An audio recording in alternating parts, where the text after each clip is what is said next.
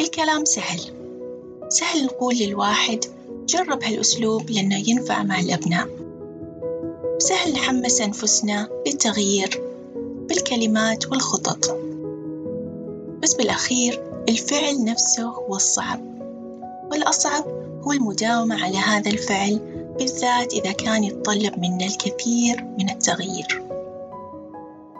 معكم ابتسام الوردي وأقدم لكم بودكاست وعي وتربية.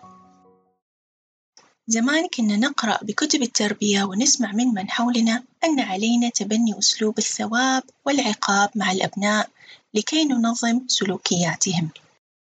فهذا سلوك خاطئ إذا علينا معاقبة الطفل. وذلك سلوك جيد وعلينا مكافأة الطفل. وعلى الطفل أن يكون صامتا في حضرة الكبار. وعلينا أن نشد عليه منذ البداية لكي نتأكد من عدم تمرده. إلى آخره إلى آخره من الافتراضات اللي كبرنا ونحن مؤمنون بها. ولا ننكر أنه من الصعب جدا تغيير هذه الأفكار. فقد ندافع عنها بشدة لأننا نرى أنها نفعت معنا أو لأننا توارثناها لأجيال. وهذا إحنا بخير وما ضرتنا. أو لأن التغيير ببساطة يحتاج للبحث والجهد والكثير من العمل. كنت عند جارة لي مرة وجلسنا نتحدث عن الأبناء والتربية وكان حديثنا تحديدًا عن التحكم في أعصابنا. قالت لي أتمنى لو أني مثلك أقدر أتحكم في أعصابي أمام الأبناء عندما أواجه أمرًا يضايقني في عملي أو مع شريكي لكني لا أستطيع. قلت لها لكنك تعرفيني الحين بس منذ عام أو عامين. ستصلين. تحتاجي للدافع والكثير من العمل وستفشلين لكنك ستعاودين النهوض.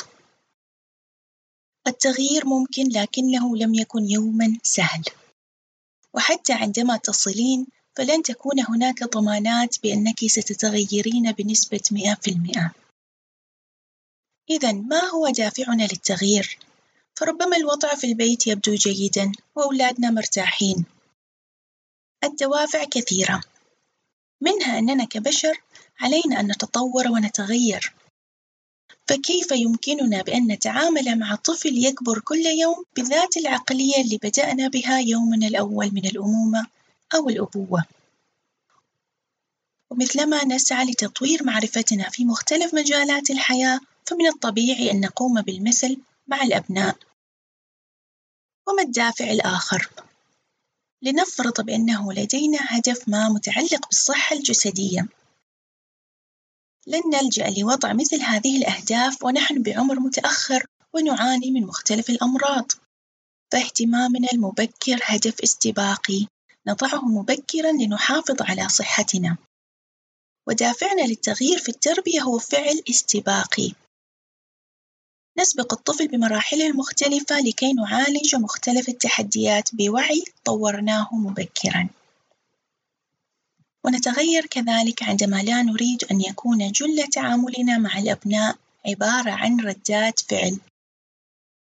بمعنى تتجاهل التحدي الأساسي اللي يواجه ابنك اللي يظهر غيرة نحو الرضيع ونتعامل معه بردات أفعال فردة فعلك عندما يشد ابنك يد الرضيع تكون بضربه أو توبيخه. فهنا تعاملك معه مجرد ردة فعل على سلوكه. وربما كل تربيتك لها عبارة عن ردات أفعال.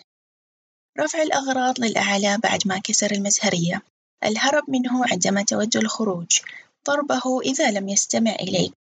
تهديده لكي لا يخرج من البيت مرة بدون إذن. عندها لا يمكن أن تتعامل مع التحدي اللي تواجهه بحكمة ولا يمكنك معرفة مصدر السلوك. متى ما كان تعاملك مع الأبناء مجرد ردات أفعال تحكمها مشاعرك وسلوكيات نشأت عليها. وآمنت بأنها تصلح بدون أن تسعى لتغييرها أو حتى سؤال ذاتك عن فعاليتها. وهذا يجيبني للنقطة التالية. علينا أن نسعى للتغيير لسببين بسيطين. السبب الأول هل أساليبك مع أبنائك تشعرهم بالأمان نحوك؟ وهل تظن بأن ما تفعله يصنع فرقًا عميقًا بمعنى أنه بعيد المدى؟ أم أنه مجرد حل سريع يريحك لوقت قصير؟ يعني لنقل أنك تعلمت التحكم في انفعالاتك فبدلا من الصراخ عليهم كل مرة تعلمت أن تنتظر وتفكر وتختار الكلمات المناسبة وتستمع لابنك. الأثر هنا بعيد المدى. ابنك يشعر بالأمان معك ولا يخاف من تقلباتك. ويلجأ إليك بدل من أن يخاف منك في مختلف المواقف. وللمزيد عن مشاعر الأمان لدى الأبناء تابعوا الحلقة 29 واللي بعنوان الارتباط الآمن بين المربين والأبناء. التغيير صعب مرهق ويخرجنا من منطقة الراحة بلا شك. فنضطر عندها بأن نعترف ولو لأنفسنا بأننا بشر نخطئ ونصيب. لكن لا بأس فالنتيجة تستاهل كل هالمحاولات.